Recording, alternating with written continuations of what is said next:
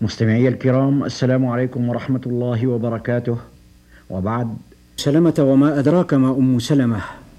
أما أبوها فسيد من سادات مخزوم وجواد من أجواد العرب حتى إنه كان يقال له زاد الراكب. لأن الركبان كانت لا تتزود إذا قصدت منازله أو سارت في صحبته. وأما زوجها فعبد الله بن عبد الأسد أحد العشرة السابقين إلى الإسلام. وأما اسمها فهند لكنها كنيت بأم سلمة ثم غلبت عليها الكنية. أسلمت أم سلمة مع زوجها فكانت هي الأخرى من السابقات إلى الإسلام.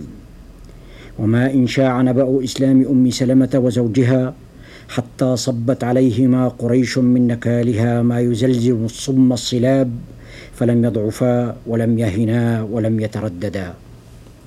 ولما اشتد أذى المشركين على المسلمين وأذن رسول الله صلى الله عليه وسلم لصحابته بالهجرة إلى المدينة عزم أبو سلمة على أن يكون أول مهاجر إليها فرارا بدينه ودين زوجته وتخلصا من أذى قريش.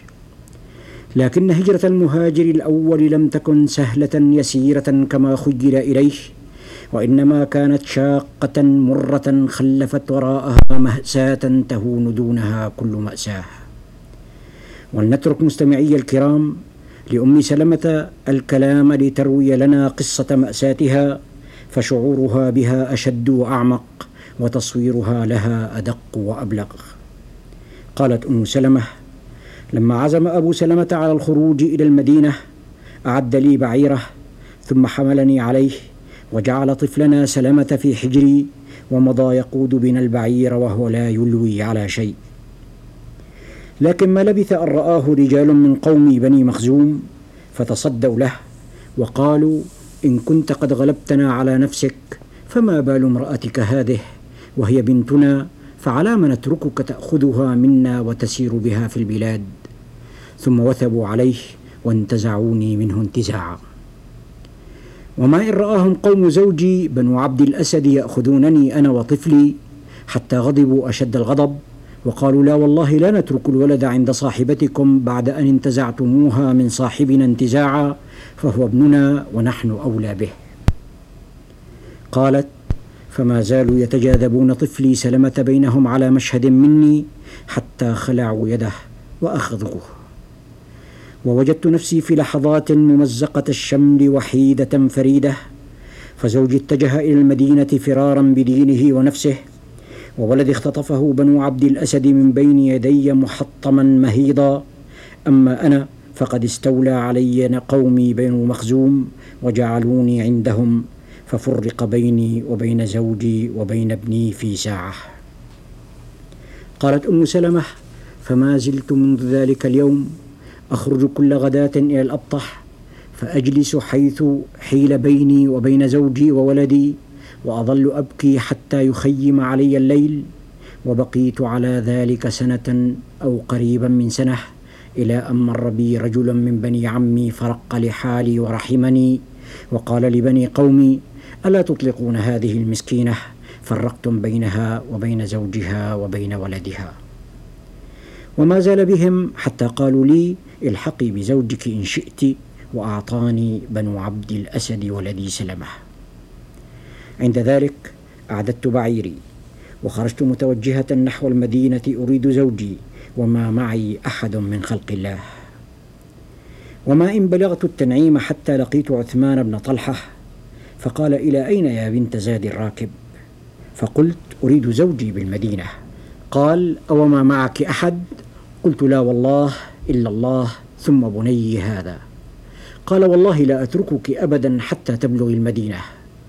ثم أخذ بخطام بعيري وانطلق يهوي بي فوالله ما صحبت رجلا من العرب قط أكرم منه ولا أشرف.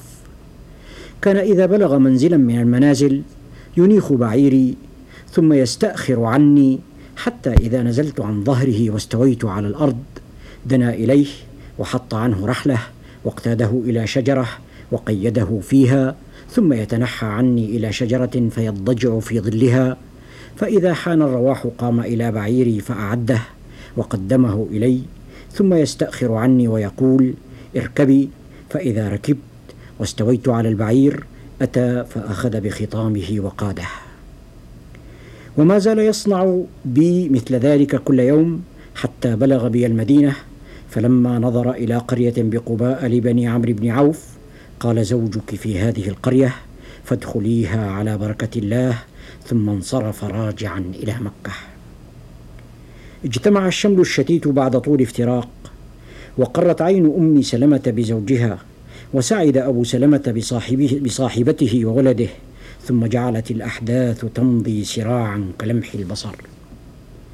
فهذه بدر يشهدها أبو سلمة ويعود منها مع المسلمين وقد انتصروا نصرا مؤزرا.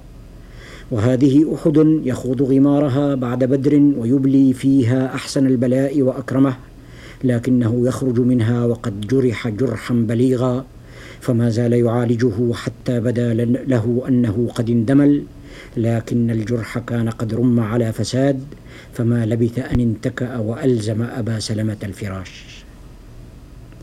وفيما كان أبو سلمة يعالج من جرحه قال لزوجه يا أم سلمة. سمعت رسول الله صلى الله عليه وسلم يقول لا يصيب احدا مصيبة فيسترجع عند ذلك ويقول اللهم عندك احتسبت مصيبتي هذه اللهم أخلفني خيرا منها إلا أعطاه الله عز وجل. وظل أبو سلمة على فراش مرضه اياما ثلاثين وفي ذات صباح أقبل رسول الله صلى الله عليه وسلم على بيته ليعوده فلم يكد يجاوز باب الدار حتى فارق أبو سلمة الحياة فأغمض النبي عليه السلام بيده بيديه الكريمتين عيني صاحبه ورفع طرفه إلى السماء وقال اللهم اغفر لأبي سلمة وارفع درجته في المقربين وأخلفه في عقبه في الغابرين واغفر لنا وله يا رب العالمين وأفسح له في قبره ونور له فيه. أما أم سلمة فتذكرت ما رواه لها أبو سلمة عن رسول الله صلى الله عليه وسلم وقالت اللهم عندك أحتسب مصيبتي هذه لكنها لم تطب نفسها أن تقول اللهم أخلفني فيها خيرا منها لأنها كانت تتساءل ومن عساه يكون خيرا من أبي سلمة لكنها ما لبثت أن أتمت الدعاء امتثالا لأمر رسول الله صلى الله عليه وسلم. حزن المسلمون لمصاب أم سلمة كما لم يحزنوا لمصاب أحد من قبل. وأطلقوا عليها اسم ايم العرب إذ لم يكن لها في المدينة أحد من ذويها إلا صبية صغارا كزغب القطا. وشعر المهاجرون والأنصار معا بحق أم سلمة عليهم. فما كادت تنتهي من حدادها على أبي سلمة حتى تقدم منها أبو بكر الصديق يخطبها لنفسه فأبت أن تستجيب لطلبه. ثم تقدم منها عمر بن الخطاب فردته كما ردت صاحبه. ثم تقدم منها رسول الله صلى الله عليه وسلم فقالت له يا رسول الله إن في خلالا ثلاثة. فأنا امرأة شديدة الغيرة فأخاف أن ترى مني شيئا يغضبك فيعذبني الله به.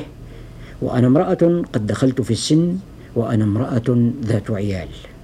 فقال عليه السلام أما ما ذكرت من غيرتك فإني أدعو الله عز وجل أن يذهبها عنك. وأما ما ذكرت من السن فقد أصابني مثل الذي أصابك. وأما ما ذكرت من العيال فإنما عيالك عيالي.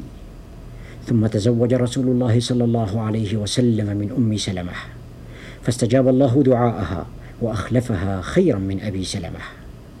ومنذ ذلك اليوم لم تبق هند المخزومية بنت زاد الراكب أما لسلمة وحده وإنما غدت أما لجميع المؤمنين. نضر الله وجه أم سلمة في الجنة ورضي عنها وأرضاها. والسلام عليكم ورحمة الله وبركاته.